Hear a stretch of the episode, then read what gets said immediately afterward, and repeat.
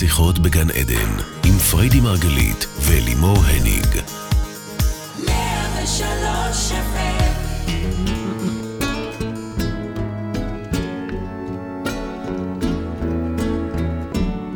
שיחות בגן עדן, בוקר טוב, תוכנית על התודעה, חיים ומשהו וביניהם, ברוכים הבאים אלינו כאן לרדיו 103 FM, רדיו 104.5 צפון, שלום לכולכם, אני אלי מורניג, ולצידי אשתי אהובה מייסדת תפיסת המטאיזם, מומחית התודעה והאישה שהאימא של כל עשרות אלפי תלמידיה, יש לה תכלס כבר מלא נכדים ונינים, והיא עוד לא בת 42. פריידי מרגלית, בוקר טוב baby. בוקר טוב. זה קטע שאת תמיד אה, ככה אימא של כולם, באמת. אה, ואני כל הזמן אומרת לך, אבל מה אימא? לא, אימא, אימא. אז באמת... אה, אימא על מלא. אימא על מלא. אז זהו, אז פתחנו בזה שאתה אימא על מלא, של כל תלמידך, זה לא נאמר בצחוק, זה באמת כך. אה, והתוכנית שלנו היום היא בנושא הורות עצמית, ואני מנסה להבין, לא מספיק שאני הורה לילדים שלי, אני צריכה גם להיות הורה לעצמי? זה, זה מה שאת אומרת? ו- כן, כן, בבקשה. כן, זה מה ש... אז, אז, אז מה זה הורות עצמית? בבקשה, רבנו. בואי, קחי אותנו ישר לתוך הדברים. אז ככה, קודם כל, אה, יש על זה פרק שלם בספר, שאני מדברת על הורות מודעת. נכון. אוקיי, הורות עצמית. ספר גן עדן זה כאן. אולי אני אפילו. אצטט אני- מפה אה, ככה איזה קטע אני- קצר. שער ההורות. שער ההורות, כן. כן. ואנחנו מדברים הרבה על זה שהורות מודעת היא בעצם בשני ערוצים. ערוץ אחד זה מול הילד שלנו, זה שנמצא עכשיו בבית ספר, או עוד שנייה מסיים בית ספר, הולך לקייטנה במקרה הטוב, לא הולך לקייטנה. במקרה היותר טוב. האמת שכן. האמת שכן. כן, פעם ראשונה שאני כאילו בכלל לא זה בקטע של... כנראה קשור לגיל. מבינה, כן. ככל שהם קטנים, עדיף שהוא ילך לקייטנה. כשהם נהיים יותר גדולים, די, תנו שקט. בדיוק, חופש אמיתי. כן. אז זה ערוץ אחד, הילד בבית. אבל הי- הערוץ השני, ועליו אנחנו רוצים היום ככה לתת את הדגש, זה הילד הפנימי שלנו, שבנו. שלעולם נהיה, אוקיי? הנחת היסוד שלנו מאמינה שמוח הזוחלים, שזה המוח הפרימיטיבי שלנו, משחזר כל הזמן את מה שהוא מכיר. מה הוא מכיר? את מה שהוא יודע. מה הוא יודע? את מה שהוא חווה. כך שבעצם בלי אה, אה, רצון, אוקיי? או לא במודעות, אנחנו משחזרים את טעויות ההורים שלנו, גם אם אנחנו נשבעים לעצמנו שאנחנו לא נעשה את זה ואנחנו נהיה הורים אחרים ואנחנו הולכים הכי קיצון ורחוק, כדי לא להיות כמותם, אבל בעצם בפועל, אני תמיד אומרת, וזה מעצבן אותך, שהתחזית המדויקת על ההורות שלנו, על טיב ההורות שלנו, זה בעצם ההורות של הורינו. אם אנחנו מסתכלים על ההורים מאוד שלנו. אז אנחנו יכולים להבין איזה מה, הורים אין לנו אנחנו. שום סיכוי להיות משהו אחר? אז קודם כל, צריך להבין פה כמה דברים. הבשורה כאן היא זה שאנחנו בעצם יכולים לטפל בילדים שלנו באמצעות הטיפול בילדים שאנחנו. זה הבשורה כאן. ממש אפשר להביא ריפוי קוונטי, אם זה דברים פיזיים, אם זה דברים רגשיים. כשאנחנו מטפלים בעצמנו, אנחנו מטפלים בילדים שלנו, ועוד מעט אנחנו נדבר על זה לעומק. חשוב להבין את זה, כי בעצם זה ערוץ לטיפול בהם, ערוץ להבנה זה איך... משהו שאולי שווה רגע לעצור עליו ולתת לו רגע פאוזה. זאת אומרת, את אומרת פה משהו מאוד גדול. את אומרת שאם אני רוצה לעזור לילד שלי, אני צריכה לעזור לעצמי. אז אני צריכה, העבודה שלי תהיה בתוך עצמי. בדיוק. זה מה שאת אומרת. נכון. איך, איך זה קשור על פניו? אז אני אסביר. יש את המושג הפסיכולוגי שנקרא העברה בין-דורית, או אם אנחנו נלך רגע למקורות שלנו, אז הרמב"ן מדבר על זה, מעשה אבות, סימן לבנים. אוקיי? כן. גורל הילדים נגזר בעצם מתפיסות העולם של ההורים. אני זוכרת שזה נורא תסכל אותי גם תמיד לשמוע. אבל זה כך. אז גם אם את מסתכלת על זה אה, פסיכולוגית, או את מסתכלת על זה רוחנית, אוקיי? אנחנו בעצם ממשיכים את אה, אה, גרעין ה-DNA ש, ש, ש, שאנחנו מורכבים זאת ממנו. אומרת, ש... זאת אומרת שעצם זה שאנחנו ילדים להורינו, בלי לעשות כלום, יש לנו כבר DNA ש... שמכתיב לנו ברור, כל מיני צריך דברים. להבין את זה. עכשיו, כן. כשאני אומרת להבין את זה, זה לחקור את זה ולהבין את ה-DNA הזה, להבין רגע מה הגרעין הזה אומר, חווה, רוצה, איזה פצעים הוא ממשיך לשחזר בלא מודע. אני חוזרת ואומרת בלא מודע, הרבה מאיתנו, אחרי הרבה מאוד טיפולים וסדנאות, ואנחנו משוכנעים שהכל בסדר, ואז מגיע הילד שלנו, ופתאום חווה את אותם קשיים שאנחנו חווינו. נכון. קשיים חברתיים, אצל אחד זה חרם, אצל אחד זה דחייה, זה גם לא חייב להיות קיצוני, זה יכול להיות פשוט חרדות, חרדות, נעלבי, נכון? תסכולים, קשיים. כן. בעצם פתאום זה מציף לנו את כל הפצעים הפתוחים שעוד יש לנו מהילדות שלנו, למרות שאנחנו כבר משוכנעים שסגרנו, זה תיבות פנדורה שכבר מזמן טיפלנו בהם. את, אני רוצה לשאול רגע, הבהרה קטנה, את מדברת על ההורים שגדלנו איתם בהכרח, נכון. או ההורים הביולוגיים? ההורים שגדלנו איתם. כי את אומרת הביולוגיים, כן, אבל ההורים הביולוגיים, קודם כל כן, אני מדברת על DNA, אבל DNA הוא גם מעבר ל-DNA הפיזי. אוקיי. לצורך העניין, ההורים שאימצו ילד. אז הם לגמרי ההורים הם שלו, ההורים שלו, כן, אבל ב-DNA, ב-DNA יש שם עניין אצל הילד הזה שהוא נטוש, או בסופו של דבר לא גדל עם ההורים הביולוגיים שלו. ואז עכשיו, אבל הוא הוא נטוש יול- והוא גם מאוד אהוב בו זמנית. כן, ועדיין, יש שם איזשהו חסר, או אה, הורה משהו. נעדר, או אוקיי. איזשהו חיפוש. אוקיי. אבל זה רק דוגמה אחת. אני כן. מדברת על כך שכל אחד מאיתנו משחזר את הפצעים שלו באמצעות הילדים שלו. אז זה משהו שצריך להבין את זה, כי אנחנו באמצעות יכולים... הילדים. כן, באמצעות הילדים, וזאת ההזדמנות שלנו גם לריפוי.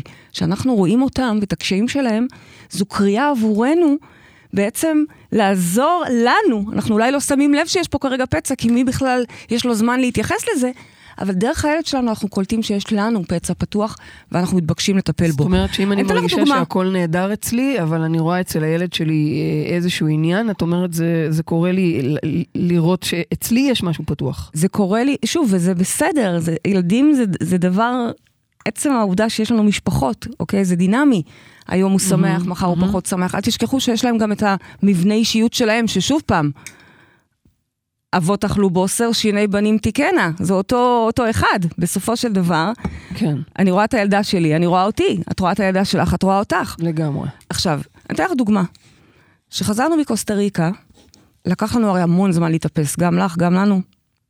כן, גם לי הכוונה, גם לילדות, אוקיי? נכון. והסתכלתי על עלמה וראיתי כמה היא מדוכדכת, ממש, ראיתי איך קשה לה לחזור, ראיתי איך קשה לה בבית ספר. והתחלתי לחשוב ממש, מה אני עושה בשבילה? ממש דאגתי, אני זוכרת שבאותם ימים אפילו התחלתי לחפש לה קבוצות חברתיות, נכון. אה, לדינמיקות, לדינמיקה חברתית, כי נורא רציתי לעזור לה, ראיתי כמה היא לבד וכמה לא כיף לה ולא בא לה. כן. וממש היה לי כאב, אני לא יכולה להסביר לך אפילו, זה יותר מאשר רק לדאוג לה, זה היה כאב, זה העלה בי כאב מאוד מאוד גדול. ופתאום קלטתי, מהמם. ממש, לקח לי כמה ימים של כאב מאוד גדול, שאני מחפשת לה מקום וטיפול ועזרה, ופתאום אני קולטת. עוד מעט אני אגיד לך איך קלטתי, אבל פתאום אני קולטת שבעצם זה לא היא בכלל. זה אני עם העיניים זה? המדוכדכות שלי. אני חזרתי בדכדוך, היה לי קשה לה- לה- להתקלם ולהסתגל לשגרה. ואז אני מסתכלת עליה, ודרך הלכלוך שיש לי בעיניים, כי אני בעצמי בדכדוכית כרגע, לא כרגע, התאקלמתי כבר, אבל אני מדברת על אני זוכרת את השבוע, הרגע. שבועיים אחרי שחזרנו. דרך העיניים האלה אני, אני מסתכלת עליה, את זוכרת? אני מדברת איתך. אני זוכרת את הרגע שהבנתי. את זוכרת את הרגע שהבנתי? עכשיו, מה היה. שם ברגע שהבנתי? זה היה קטע. אני זוכרת. כי אני בעצב עליה ובסרטים, וכבר כותבת לאימא השנייה שלה, תקשיבי לי, על מה יש קשיים, ומחפשת קבוצות, ומתחילה לעשות טלפונים.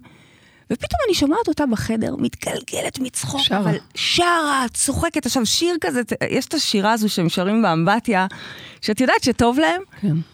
ואני שומעת אותה שרה וצוחקת, ואז אני נכנסת לחדר, דופקת, נכנסת, שוב פעם דכדוכית, כואב לי הראש, לא בא לי ללכת מחר.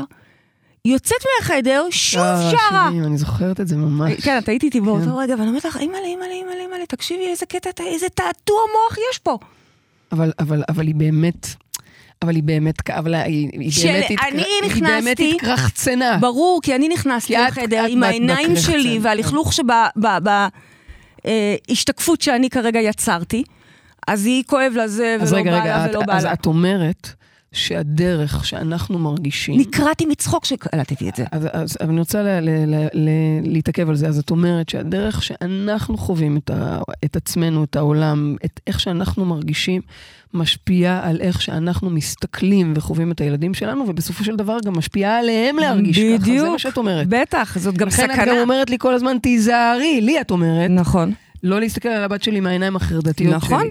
אז קודם כל, לעצמי, זה היה קטע מטורף. אגב, זה לא פעם ראשונה שאני עושה עבודה עם עצמי ורואה, אגב, הסוף הוא שככל שאני התאקלמתי, ראיתי גם איזה, באיזה בליסי, אני לא זוכרת מתי הייתה בכזה בליס, מוזמנת כל היום לחברים והולכת לח... ו... ומזמינה.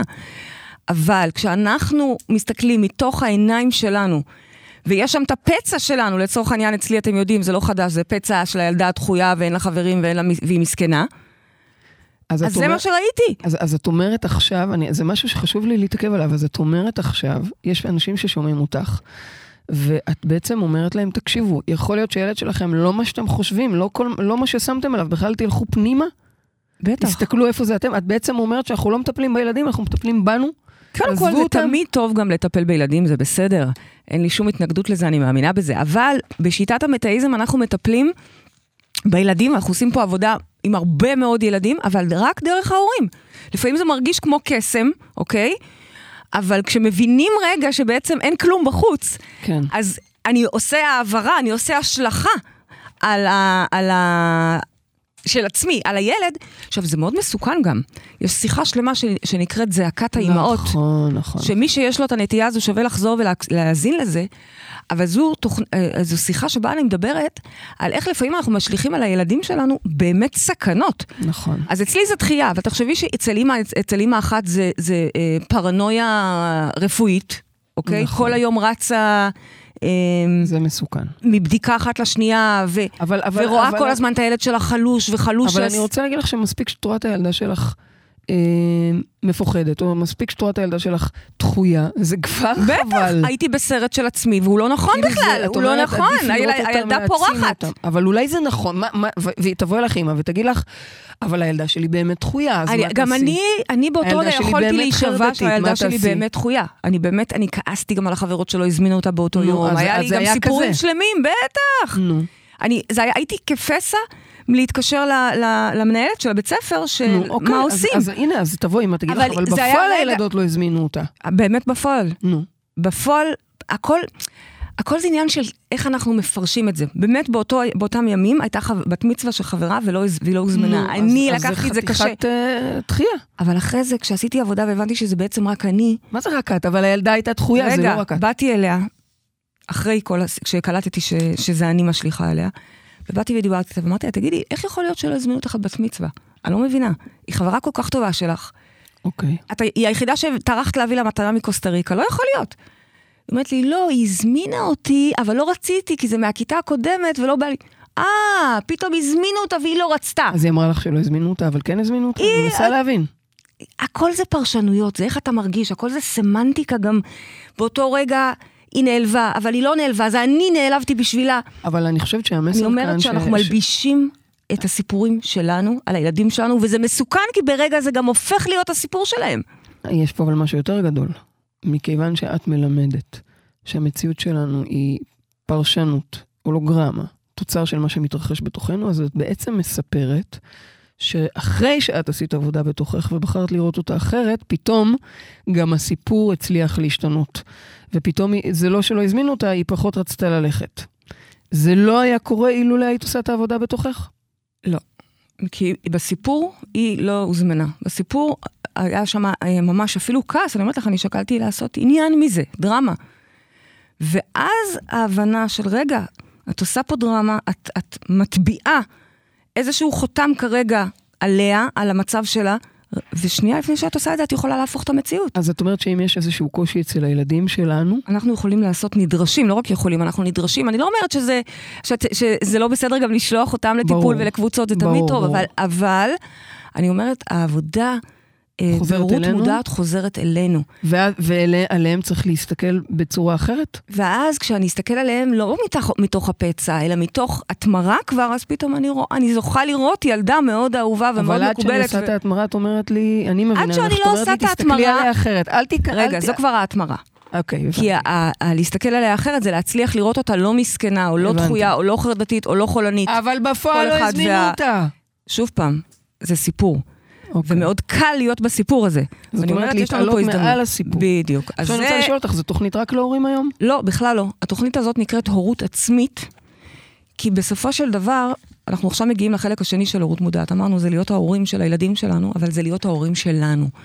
והחלק שאני רוצה לדבר עליו היום ולשים עליו את הדגש היום, זה באמת איך אנחנו לומדים להיות ההורים של עצמנו. כי יש איזושהי נטייה לחכות שמישהו יציל אותנו מעצמנו, אוקיי? הנה, אני, אני, אני רוצה להקריא ככה פסקה בבקשה, תקריאי לנו. מה, מהספר, מה... ספר, פרק י"ג, גן עדן זה כאן? שערות, פסוק א'. יפה מאוד. אז דיברנו על הילד הפנימי, אוקיי? כן. אז בואו נדבר רגע על החלק ההורי. בבקשה. רבים מאיתנו, אני מקריאה, מצפים שתגיע דמות בוגרת, איזה מבוגר אחראי, שיצילו אותנו מעצמנו ומהבלגן של חיינו. וזה גם המסר שאנחנו מעבירים בלא מודע לילדים שלנו. אבל אנחנו כבר יודעים שלא ניתן להשיג בחוץ את מה שאין בפנים. ולכן הגיע הזמן ללמוד, ללמ, סליחה, ללמוד אהבה הורית מתוך עצמנו. להכיל אותה עלינו. לא משנה אם ההורים שלנו עדיין בחיים או כבר הלכו לעולמם, זה לא משנה. הם לא צד במשחק. הם לא צריכים לדעת או לשתף פעולה בכלל. הם לא קיימים. שהרי דבר לא קיים מלבד מה שקיים בתודעתנו. אז ברגע שנצליח להכיל על עצמנו, בתוכנו, את ההורות החדשה, נוכל להתענג עליה ולהעביר אותה לדור הבא. זאת אומרת, אני באה וקוראת לנו להיות ההורים שתמיד חלמנו שיהיה לנו. אנחנו רוצים שמישהו ייקח עלינו חסות, אנחנו רוצים שמישהו יהיה נדיב אלינו, אנחנו רוצים שמישהו רק תמיד יתמוך בנו, לא משנה מה.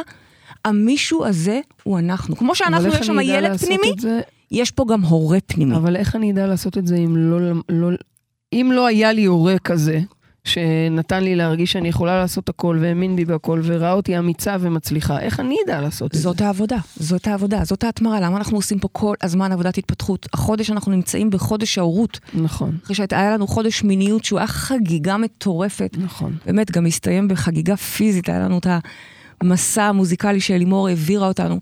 ומיניות הרי אנחנו יודעים, זה לא רק מיניות, זה, זה, זה, זה זה תשוקה, זה חיוניות. אז גם פה, חודש ההורות זה לא רק להיות הורים מיטביים לילדים שלנו. בטח, זו מטרה נעלה וראויה ביותר, אבל אנחנו באים ומדברים פה גם על להיות ההורים של עצמנו. להפסיק לחכות שמישהו יקבל אותנו, שמישהו יכיל אותנו, שמישהו יתמוך בנו. הנה, גם פה יש לי סיפור מקוסטה ריקה.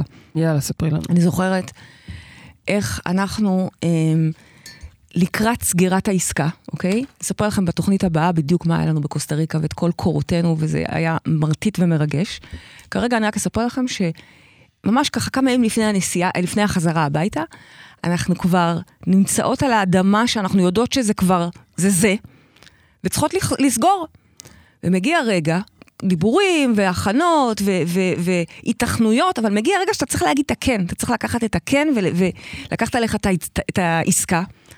ואני זוכרת פתאום כמו ילדה, כמו, כמו איזה חיה כלואה, התחלתי לחפש את אבא שלי. אבא שלי הרי לא היה איתנו. סיפרתי לכם שהוא היה אמור לבוא, הוא בסוף לא הגיע, ברגע האחרון. וחיפשתי את אבא. עוד פעם, אבא המטאפורי, אבל גם אבא אמיתי, אני זוכרת שהתקשרתי אליו. כמו ילדה קטנה, את ראית זוכרת. אותי, את ישבת לידי. אני זוכרת, כן.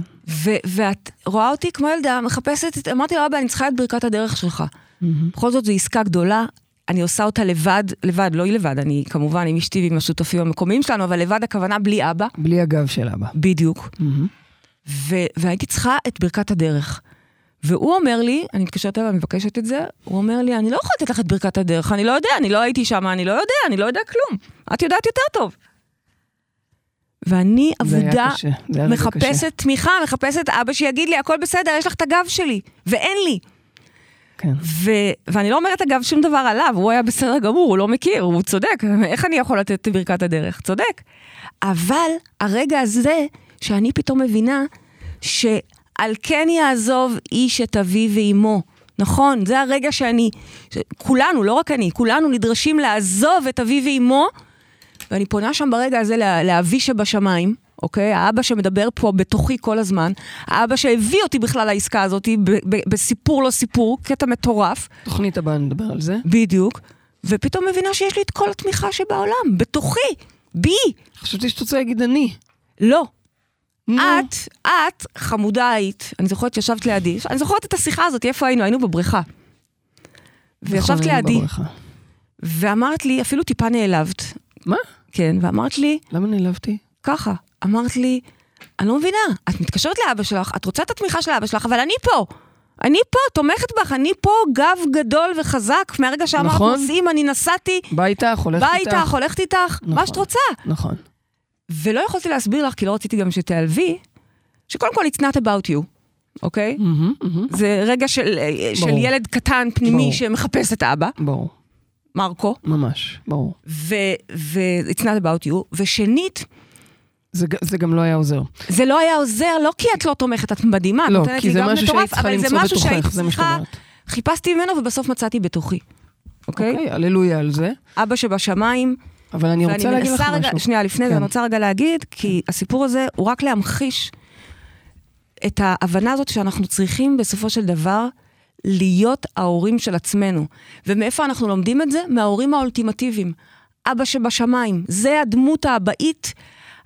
אבא שבשמיים, אני יודעת שהוא רחום. מעניש. לא, זה לא נכון. הוא מעניש אם לא שומרים שבת. לא, הוא לא. מעניש אם לא, אם, אם מדליקים אש, אני לא יודעת. לא, לא, לא, זה שאני סיפורים שסיפרו לך, כמו שאת חושבת שאבא שלך הוא אה, מכירה. אה, אבא שלי באמת היה מעניש. מעניש. אז בשביל זה, דמות האב אצלך, היא יכולה להיות היום אגרסיבית, אגב אני מענישה, תופסת מתחשבנת. את אה, אבא שלי וגם אבא בשמיים מאוד אה, אוהב וחומל ללא. תנאים, נכון? זה היום. בדיוק. אבא שלי.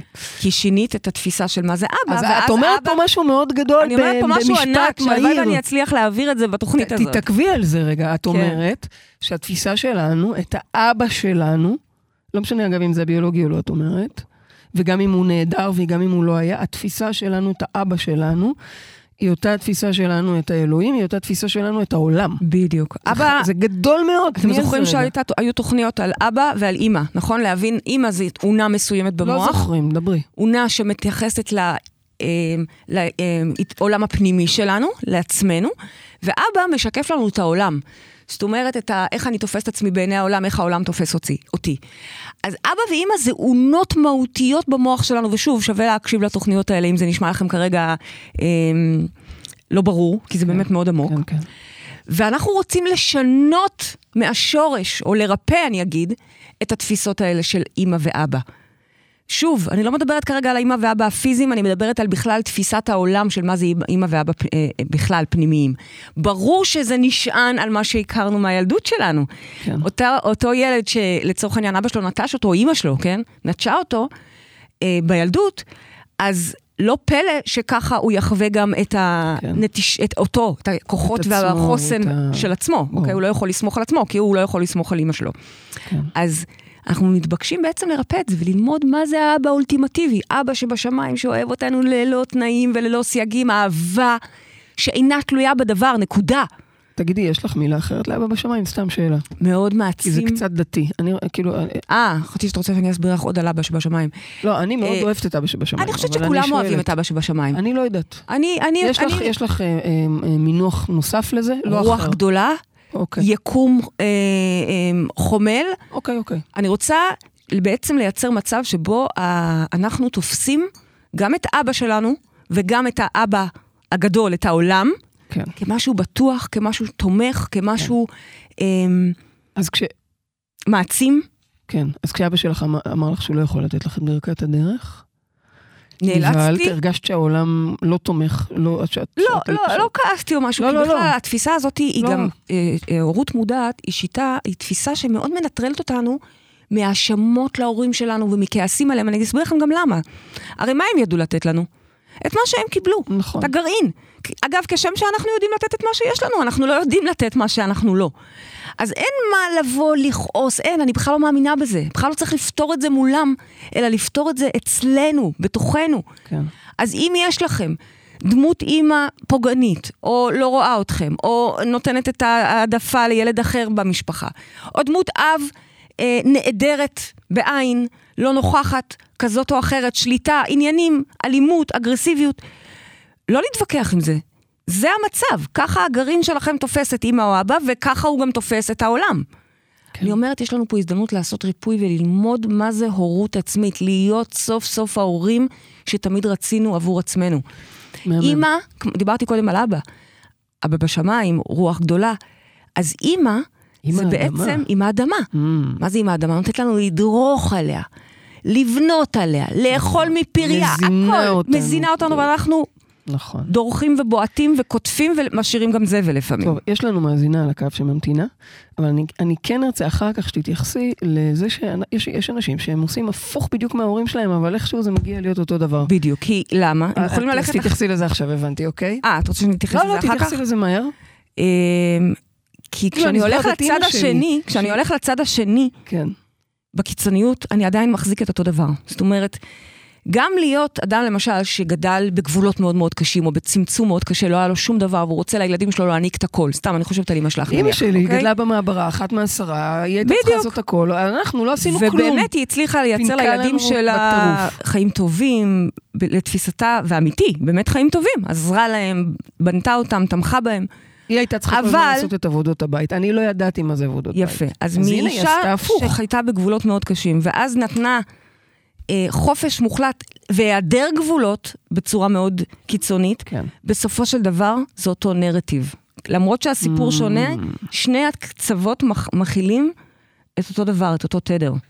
אז את היום נאלצת ללמוד גבולות. נכון, זאת אומרת, זה בסוף חוזר. נכון, נכון, נכון. וזה בדיוק העניין של מעשה אבות סימן לבנים. אנחנו ממשיכים לטפל באותם דברים שההורים שלנו וההורים שלהם, והילדים שלנו והילדים שלהם, יש פה את האבולוציה, ואפשר לראות את ההתפתחות, ואנחנו שואפ, שואפים להתפתחות הזאתי, אה, וזו הבשורה בהורות מודעת. טוב, מאוד מאוד מעניין. אני מרגישה שכל מה שאמרת פה, כל משפט אפשר לפתוח אותו לתוכנית שלמה. כי אמרת פה דברים מאוד גדולים, אבל אנחנו כרגע נעלה את המאזינה שיש לנו על הקו, נגיד בוקר טוב, מי איתנו על הקו? בוקר טוב. בוקר. אהלן אורטל, מה שלומך? בסדר. תגידי, את... אני אה, מתרגשת לדבר איתכם באופן אישי. איזה כיף שאת. פה איתנו, ברוכה הבאה. תגידי אורטל, אה, יש לך ילדים? כן. יש לי שלושה ילדים, שלושה בנים. או, וואו. כן. איך זה שלושה בנים בבית? אה, נחמד מבחינה של... מבחינה של אין לי בבוקר את אה, אני לא רוצה ללבוש את זה, לא רוצה ללבוש את זה, כן, לא לעשות וואו. תפרוקות.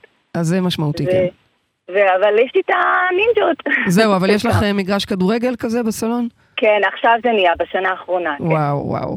טוב, אז הנה, פריידי מקשיבה לשאלה שלך. בואי, בואי אז תשאלי. השאלה שלי היא ככה בעיקר בקשר לילד הבכור שלי. אז בעצם אני שאלתי... בן כמה הוא? אה, הוא בן 11 וחצי. אוקיי. היא מסיים כיתה ו'. בעצם יש, יש לי את הפחד הזה, כי אצלו זה, זה יותר אה, בא לידי ביטוי של מה, מה, מה, איתו, מה יהיה איתו מבחינה אה, חברתית. אה, איך אני, יש לי תמיד את, ה, את החשש הזה, אה, גם אם אני רואה עכשיו הוא יצא ב... עכשיו, עכשיו באמת, כאילו גם בתקופת קורונה עשתה איזה נתק כזה, ואני מדברת על חברות שהיא אחרי צהריים, והוא היה הרבה לבד, ובאמת רק אני, ממש מט"ו בשבט האחרון, היה איזשהו שינוי, וצירפו אותו לכל מיני קבוצות וחברים, קצת יותר, לא איזה חבורה גדולה, כן? ואני גם לא, זה לא, לא צריך כל כך הרבה חברים. ועדיין, עדיין כאילו, אני, אני, יש לי את הלא מאמינה הזה שכאילו, זה, זה יתפוס. אם, אם, אני רואה גם הילדים האחרים, אם מצלמים לי מהפעילויות שלהם, אז רגע, אני מסתכלת, אה, הם ביחד עם מישהו, הם שמחים, הם, הם, אה, הם, הם, אה, טוב להם, הם לא לבד. ב- בעיניים שלך הוא לא נהנה, או שהוא לא, לא, לא מוזמן? לא, כרגע הוא, הוא, הוא שמח, הוא מחכה, אבל אוקיי. יש לו את הפחד הזה, ש, כאילו, כמו שהיה לי... אה, אז אה, אני רוצה לא לשאול לי- אותך, אני רוצה לשאול אותך. האם את סבלת מעניינים חברתיים, קשיים... היה לי את זה ביסודי, ואני יודעת, יש לי את הפחד הזה שמלווה אותי. מה? מה? הפחד מלבד. זאת אומרת שכל פעם, לא הייתי ילדה דחויה, וכל מה שאת דיברת על הדברים האלה, של ילדה דחויה, זה, זה נתן לי איזה פאוט, כזה בוקס בלב, אבל אז אני אומרת, בעצם זה לא, זה לא מדויק. כי לא הייתי, לא הייתי מהדחויה, הייתי הולכת לתנועות נוער, והייתי, והזמינו אותי, והייתי, אבל לא הייתי חלק. אגב, גם אותי, גם אני לא הייתי ילדה דחויה. מבחינה אובייקטיבית, אם היית מסתכלת, היית, יש שיגידו אפילו שהייתי מובילה. אבל אני, בחוויה הפנימית שלי, עם השנאה לגוף דאז, אוקיי? ותחושת השמנה והדחויה מבפנים, ותחושת הלא שייכת, ולא מקשיבים כן. לי, ולא אוהבים אותי, זה עניין של תחושות פנימיות, זה בכלל, בכלל לא קשור למצב האובייקטיבי. אז אני שואלת ואני חוזרת עוד פעם רק בשביל להדגיש, אני רוצה להראות לך כמה זה פשוט, אוקיי? לך ולכל המאזינים שלנו. בעצם, הדאגה הזאת למצב החברתי של הילד, זה יושב לך על מקום, על פצע שאת מכירה בתוכך, של לא להיות שייכת או לא להיות חלק, או להיות דחויה עוד פעם בחוויה הסובייקטיבית שלך. כן, נכון. תמיד עכשיו- הייתי צריכה לחפש, אה, אה, מתחלקים לזוגות, אז אה, לא, מי הייתי, מי ברור, זה. והדאגה מי יישב איתי באוטובוס, ועם מי אני נכון, זה, כל נכון. הסרטים האלה, כן, ברור. כן, עכשיו, השאלה היא, איך את, במקום להשליך את זה עליו, שזה אגב מה שאת עושה, אני עושה, רובנו עושים, אוקיי? לא בכוונה, פשוט מתוך הדאגה הפנימית שלנו, כי כואב לנו, כי אנחנו יודעים מה זה. זה יותר מאם להשליך, לפי מה שאת אומרת זה גם ממש ל- לייצר, כן, אבל בוודאי. לייצר, להשליך זה, זה בהכרח, בדיוק, השלכה בהכרח הופכת את זה. אוקיי. בסופו של דבר, אם, אם לא מתקנים את זה, אם לא מייצרים פה התמרה, תיקון, אז זה מה שקורה, כן. אז איך את לא מסתכלת מהעיניים הפצועות שלך, אלא משלימה, יש לך בעצם הזדמנות להסתכל על הבן שלך, איך קוראים לו? נועם. מסתכלת על נועם, ודרך נועם עושה ריפוי לאותה ילדה, שהיום אגב היא כבר לא כזאת פגועה, היא לא פצועה, כי היא בסך הכל יש לה כבר חברים, היא מצאה את עצמה, יש לה את הזוגיות שלה, יש לה את הילדים שלה, אין לה זמן לחברות בכלל. זה מה שאני אומרת, גם אני היום כל כך אהובה, ואין לי זמן בכלל להיות יותר אהובה משאני אה, כבר, אבל זה לא משנה. הילדים שלנו הם שם, זה המטרה שלהם, בין השאר, כן? לשדרג אותנו, וכמובן לעזור לנו לשדרג אותם, אבל יש פה הזדמנות להסתכל אחרת על כל הסיפור, להביא אותך לא דרך העיניים הפצועות של זאת שאין לה חברות, או אה, לא מרגישה שייכת גם כשמזמינים אותה, ו... איך, איך את רוצה שהיא תעשה את זה? זה היא, היא, הרי מה, בא לה להרגיש ככה, בא לה זה לחשוב לא ככה. עניין של בא, זה אוטומט. זה כל כך, בדיוק, זה אוטומט. וזה עניין של מודעות. למה אנחנו קוראים לזה הורות מודעת? כי אנחנו לוקחים מודעות פה, ממש החלטה. זה אותו רגע שאת זוכרת שראיתי איך אני מסתכלת מהעיניים הפצועות כן. שלי כן. והמדוכדכות שלי ורואה הכל שחור. תחשבי שאת צריכה לנקות את המשקפיים, זה מה שזה. את צריכה לנקות את העדשות בשביל לא לראות דרך אותו לכלוך. מה את אומרת? את מבינה מה אני אומרת? קשה. אני מבינה מה את אומרת, אני לא יודעת איך לעשות את זה. אוקיי, אז עכשיו, איך עושים את זה? אז כשאני ראיתי למשל אה, את הקשיים של עלמה, את הקשיים החברתיים של עלמה, שבאמת אגב יש לה קשיים, אני גם רואה שחלקם לא ייפתרו כי הם חלק מהאישיות המובילה שלה. נכון, אז בגיל אה, 12-13 זה פחות להשתלב, ובגיל 20 היא כבר תוביל את הדברים שלה, אני לא יודעת מה הם יהיו, אבל היא תוביל. את, רואים את זה. ועדיין היה לי עצוב על זה שהיא נאלצת לכבוד תחייה ו- ולא שייכת. והבנתי שאני צריכה, אם אני רוצה באמת לטפל בזה, אני צריכה לטפל בעצמי. זאת אומרת, אני צריכה לראות איפה אני, עדיין, עדיין, למרות שכאילו, את אומרת היום, אה, אני כבר במקום אחר. עדיין היום, חפשי את המקומות שבהם את לא אה, מרגישה חברתית. אני יכול, אצלי זה קל, אצלי אפילו לא הייתי צריכה להתאמץ, אני הרי בהצהרה לא אוהבת לפגוש חברים, לא אוהבת. כל, מבחינתי, כל זמן שהוא אוקיי, מפריע תחפש את לה... המקומות ומה אז? ואז הייתי צריכה להסכים לצאת מזה. אני זוכרת שאת אמרת לי, אז הנה, תעבדי את על זה. הרי ככה אני מלמדת, נכון? ואמרתי לך, מה, אז עכשיו אני צריכה להתחיל לפגוש חברים? והאמת שכן. האמת שכן. חלק מהיציאה שלי החוצה, בתקופה הזאת, אמנם זה התחיל מקוסטה ריקה, אבל זה ממשיך הלאה, חלק מהיציאה זה, זה, זה לפגוש אנשים ולהיות יותר בזון החברתי. אני מרפאה את עצמי, אני מרפאה אותה. בעצם את אומרת אה, לאורטל שהיא צריכה עכשיו לעבוד על המקום הזה בכלל בתוכה. לא קשור לילד, היא צריכה להתחיל לעבוד על השייכות והחברים בדיוק. וכולי. ואני אגיד לך, אורטל, שבזכות זה שעלית אה, לשידור ככה והעזת ו- ועלית והצטרפת אלינו, אז את מקבלת במתנה את אה, קידוד הורות שיש לנו החודש בחדר כושר לתודעה, וזה כבר... אה, יעשה לך תהליך מדהים לדעתי. ממש. כי זה ממש להטמיע קוד של הורות מודעת, שייקח אותך וילמד אותך בדיוק איך עושים את זה. אולי נכון. תסבירי לה. אני אגיד לך שקידוד מציף את, ה, את הקוד הישן, זאת אומרת, את תראי את כל המקומות שבהם את בהורות לא מודעת, פועלת מתוך הפצעים שלך, מתוך סימביוזה, מתוך התערבבות, ותתמיר, יאלץ אותך להטמיר את זה, כך שבסיום שמונה ימים את פשוט יודעת מהי הורות מודעת ומתנהלת על פיה. זה היופי של קידוד, את לומדת אה, אה, יכולת, אוקיי? אה, איכות חדשה ב-DNA שלך. אז זה משהו שאת ככה גם מקבלת מאיתנו, וגם יעזור לך לעשות את העבודה. אבל זה אוקיי. בש- בסופו אוקיי, של דבר זה רבה. מתחיל ונגמר במודעות. אוקיי, אורטל, תודה רבה, איזה כיף שעלית ובהצלחה. אני רוצה, אנחנו נשמח רבה. לשמוע איך, איך, איך זה השתנה. תודה אוקיי, רבה. אורטל. המשך יום. נפלא, תודה רבה.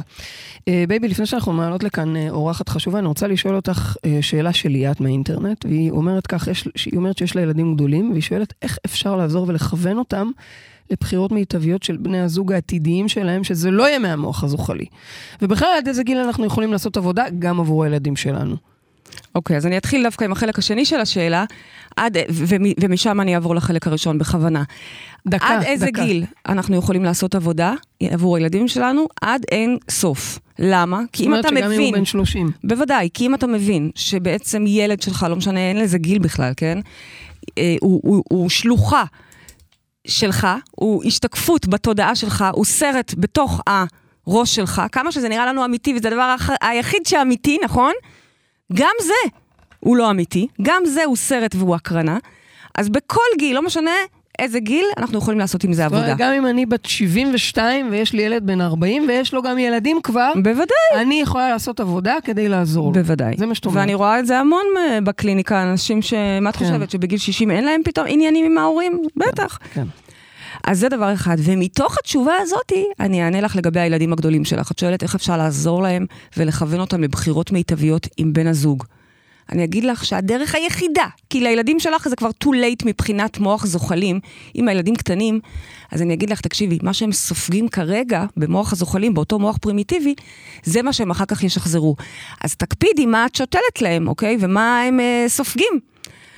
אה, לדוגמה, זוג שכל הזמן, אה, הורים שכל הזמן רבים, רבים, רבים, זה מה שהילד לומד וסופג, זה מה שהוא ישחזר אחר כך, נקודה. לא יכולת להגיד לי את זה לפני אה, כמה שנים. נו, אמרתי לך. עשר שנים אנחנו כבר... אה, לא, אבל אני חושבת על הילדים שלי שהיו קטנים. אז רגע.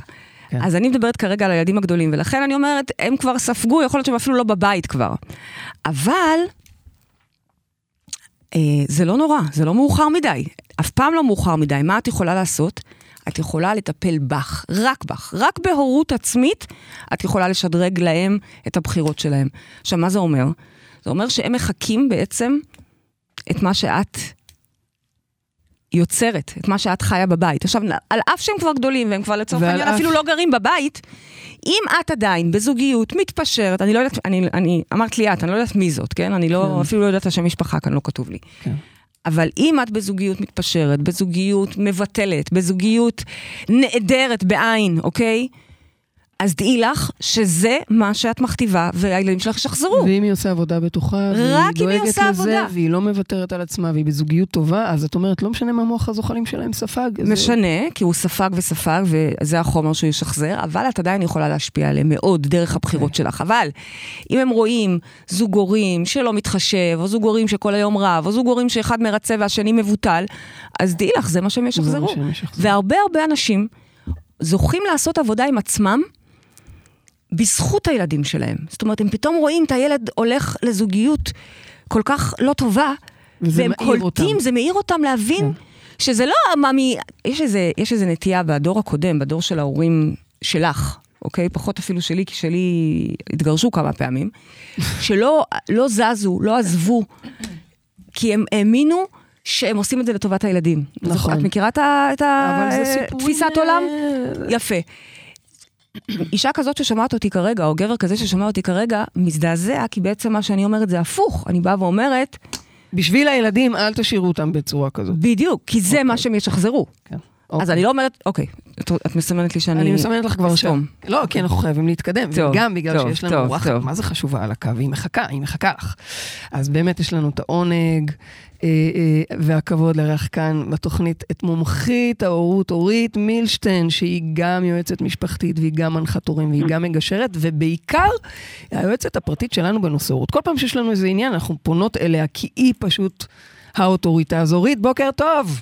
בוקר טוב. מה שלומך? אהובה? איזה כיף לשמוע אותך. לאורית אנחנו הולכים פעם בכמה שנים. תמיד, רק. אבל אין. תמיד סביב עניין הילדים, נכון. כמובן. נכון. וכמה מהפעמים שהיינו אצלך, אורית, אה, לא היינו הרי. הרבה, אוקיי? לאורך השנים אני יכולה לספור אה, ממש אה, ככה פגישות ספורות, אבל כל פעם זה היה. מכונן, כי כל פעם התווית לנו אה, דברים מאוד משמעותיים. למשל, אני זוכרת את אחת השיחות הראשונות איתך, שלימדת אותנו לא להתערב לילדים, גם אם יהיה דם על הספה. כן, היא אמרה רק אם יהיה דם שלא יהיה לה לכלוך. אה, נכון. וזה היה מכונן עבורנו, כי אנחנו כל היום היינו מתערבות ואז רבות בעצמנו, כי, you know, זה הילדים שלה, הילדים שלי. נכון. היום הזמנו אותך אה, קצת לדבר באמת על הקטע של אווירה משפחתית. אני שומעת את זה הרבה שואלים על, אז רגע, אם אני לא יודעת לייצר אווירה משפחתית טובה בבית, שוב, בגלל שככה גדלתי וזאת הייתה האווירה, ובבית היו צעקות, ובבית היו ריבים, אז איך אני משנה את זה? איך אני מצליחה לייצר משהו אחר לילדים שלי, למשפחה שלי? אני אגיד לך, אני תמיד אומרת, אה, מי שמכיר את דני דין, לא כולם אה, מכירים ומכירות את דני דין, כי גם יש אה, מאזינים צעירים, אז אני אומרת, בוא נדמיין שדני דין אצלנו בבית. ומה הוא הרואה רואה? ואינו נראה. כן. אם אנחנו אוהבות את מה שהוא רואה, אז סבבה, אז אין מה לשנות. ואם יש דברים שאנחנו לא אוהבות מה שהוא רואה, אז זה הזמן לשנות. היכולת לשנות היא רק אצל ההורים. מאה אחוז אחריות על עבירה משפחתית נופלת על ההורים. הרבה פעמים באים אליי זוגות ואומרים, בגלל הילדים יש עצבים בבית, בגלל הילדים יש כעס ומתח. לא, ממש לא. זה לא בגלל רק הילדים. ההורים. שום דבר הוא לא בגלל הילדים, ודאי כשהם צעירים. כשמגיעים לגיל 16-17 יש להם בהחלט יותר השפעה, אבל עדיין ההורים הם 100% אחראים על האווירה המשפחתית. עכשיו, תשאלו אותי מה זו בכלל אווירה משפחתית. אז מה זו אווירה משפחתית, אורית? תראי, אווירה, תראי, אווירה משפחתית היא מזג האוויר בבית. הקירות הם קירות, הם לא באמת מעניינים. הרי אפשר גם בבית לתלות תמונות מהממות, ולשים מוזיקה של דולפינים, ולהדליק להדליק, אה, קטורת, ולשים וילונות כאלה משרים אווירה נעימה, ואז לצרוח כל היום ולהתעצבן נכון. ולא להרצות. ולה... אז כך שהתפאורה היא הרבה פחות רלוונטית. בית יכול להיות אוהל ובית יכול להיות וילת פאר, זה לא באמת משנה. מה שמשנה זה מזג האוויר, שההורים מכתיבים אותו כמובן. כל מיני שאלות אפשר לשאול על אווירה משפחתית, למשל, האם בבית שלנו מדברים או לא? האם מדברים רק בצעקות או האם מדברים רק בלחש? האם מותר לצחוק בבית? האם שומעים מוזיקה? האם יש בבית ריח של אוכל, של עשייה? האם יש בבית אה, מקום לילדים? האם לילדים מותר לדבר, להביע דעה, לכעוס, לצעוק, להיות מתוסכלים, לשאול שאלות? מיליון שאלות, מיליון שאלות סביב אווירה משפחתית. אחת השאלות שבעיניי היא הכי משמעותית באווירה משפחתית זה האם מותר לדבר בבית. האם מותר לדבר בבית על הכל?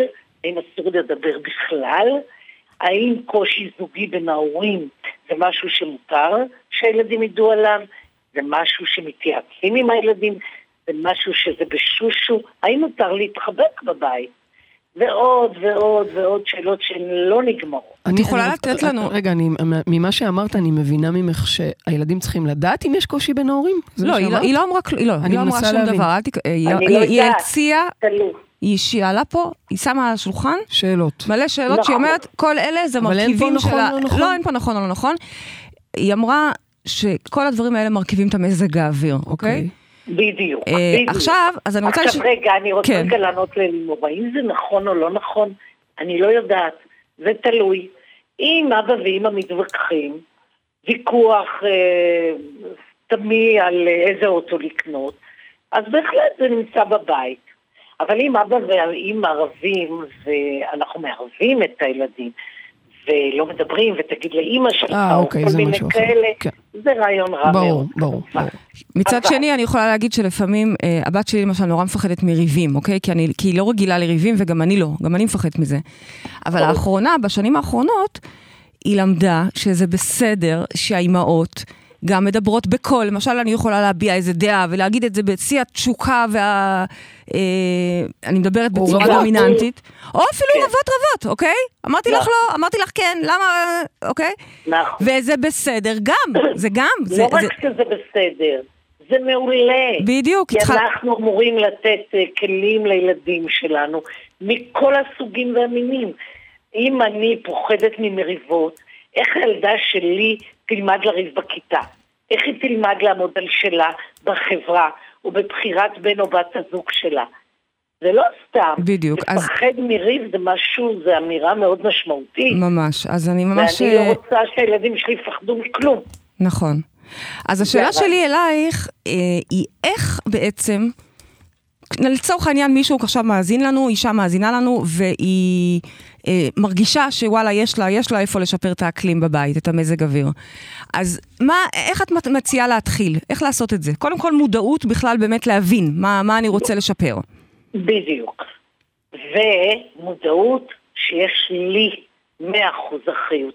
לא לבן או בת הזוג שלי, ובוודאי שלא לילדים שלי. ומה אם הילדה אם שלי אני... לא רוצה? היא לא רוצה להיות איתנו, היא לא רוצה לשבת איתנו, דוגמה. טוב, זה תלוי בגיל. אוקיי. Okay. וזה תלוי ב, באיפה לשבת. נגיד, בואי ניקח בהרבה בתים בארץ, יש עניין של ארוחת שישי. עכשיו, נגיד אני הכנתי ארוחת ערב ביום שישי האחרון, והיו הילדים והנכדים, ואחרי שלוש דקות בערך, שתי נכדות שלי אמרו, אה, סבתא סבנו, אנחנו רוצות לקום. עכשיו שאלה, האם הן צריכות להישאר לשבת או לא? עכשיו תראי, הן קטנות, אחת בת חמש, אחת בת שבע, יישארו לשבת, יעשו עניינים, יהיו לו מרוצות, יכעסו עליהם, תיווצר אווירה סביב השולחן מאוד של מתח. מצד שני הם אכלו מאוד יפה, הם סיימו לאכול, שיח הבוגרים ממש לא מעניין אותן, למה שלא יקומו? למה זה mm. מפריע לי בעצם? אבל אם מגיע גיל 17 ויושבים ועושים שיח מבוגרים, אתם חלק מהמבוגרים, אני לא, את יודעת, יש משפט שאני מאוד אוהבת, שכשאני לא מוותרת לילד, אני בעצם לא מוותרת על הילד. אז אם אני כן. מוותרת בכזו קלות על חברה של בחור בן 17, שהוא כבר בוודאי ילד גדול, יש בזה אמירה. בסדר, אתה לא רוצה, אל תשב איתנו, מה אכפת לי? כאילו, אתה לא חשוב לי. כן. בגיל חמש זה פחות רלוונטי. הבנתי. משום שבאמת אין לה מה לתרום לשיחה, והיא רק משתעממת, ואנחנו לא מנהלים שיח של גיל חמש, כי רוב סביב השולחן הם מבוגרים, והיא באמת אכלה יפה. אז אני אומרת, כל דבר הוא לגופו. Mm-hmm, mm-hmm. וזה חלק מההחלטה הכי חשובה, דרך אגב, אה, באווירה משפחתית, שאין אמת אחת. אין mm-hmm. אמת אחת. הכל נכון. תלוי בשעה, במצב, בגיל, באנרגיות שלי, ברצון שלי, בהשקעה שלי, בכוחות שלי, במיליון ואחד דברים. אבל כשאני מגדלת ילדים ויוצרת אווירה משפחתית של עקרונות, אז באופן אוטומטי הכל נהיה הרבה יותר נוקשי. כשנוקשות, אני לא בטוחה שאני רוצה באווירה שלי. מי שרוצה, אין, אין טוב או רע. כן, כן. אין טוב או רע.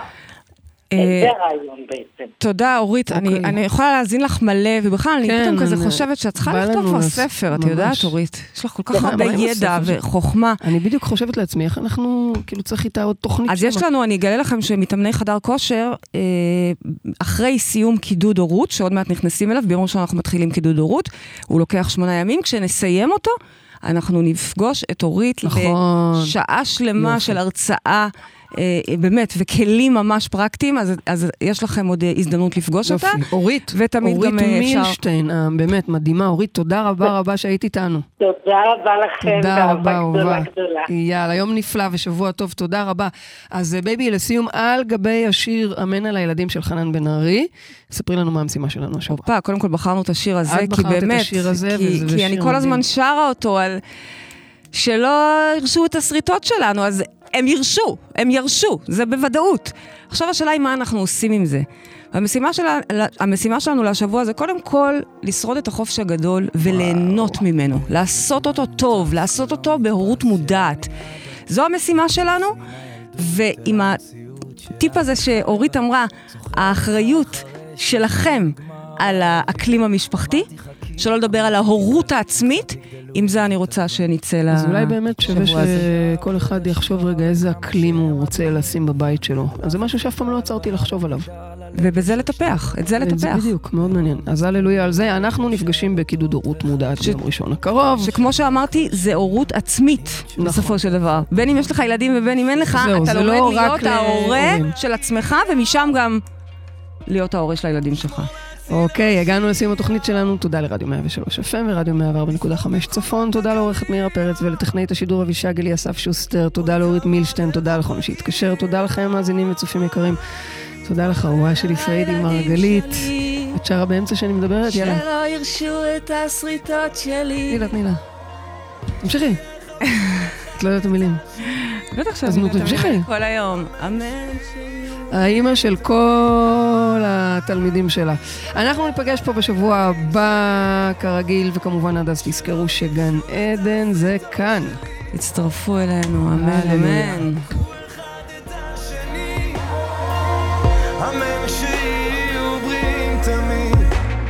רוצה להיות שם בשבילם בדיוק כמו שהבטחתי. לשבת בסופו של יום, לדעת שהצלחתי. בינתיים סופר ניצחונות קטנים, מבסוט שלא ברחתי. לשירותים או למחשב, פשוט עצרתי והקשבתי. לסיפורים על ציפורים, למחשבות, לציורים, לחלומות שיום אחד יגשימו.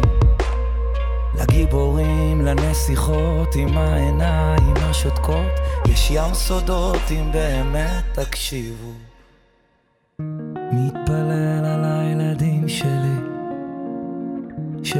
ירשו את הסריטות שלי, שיחבקו אחד את השני, אמן שיהיו בריאים תמיד. אמן,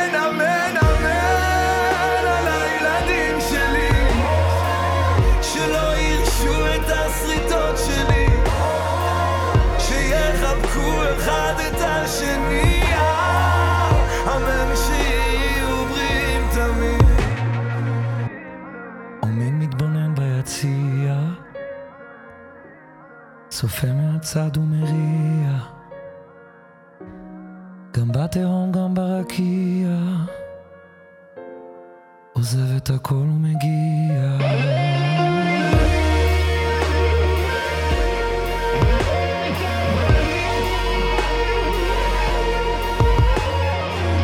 רק תחבקו אחד את השני. אמן שתהיו בריאים תמיד.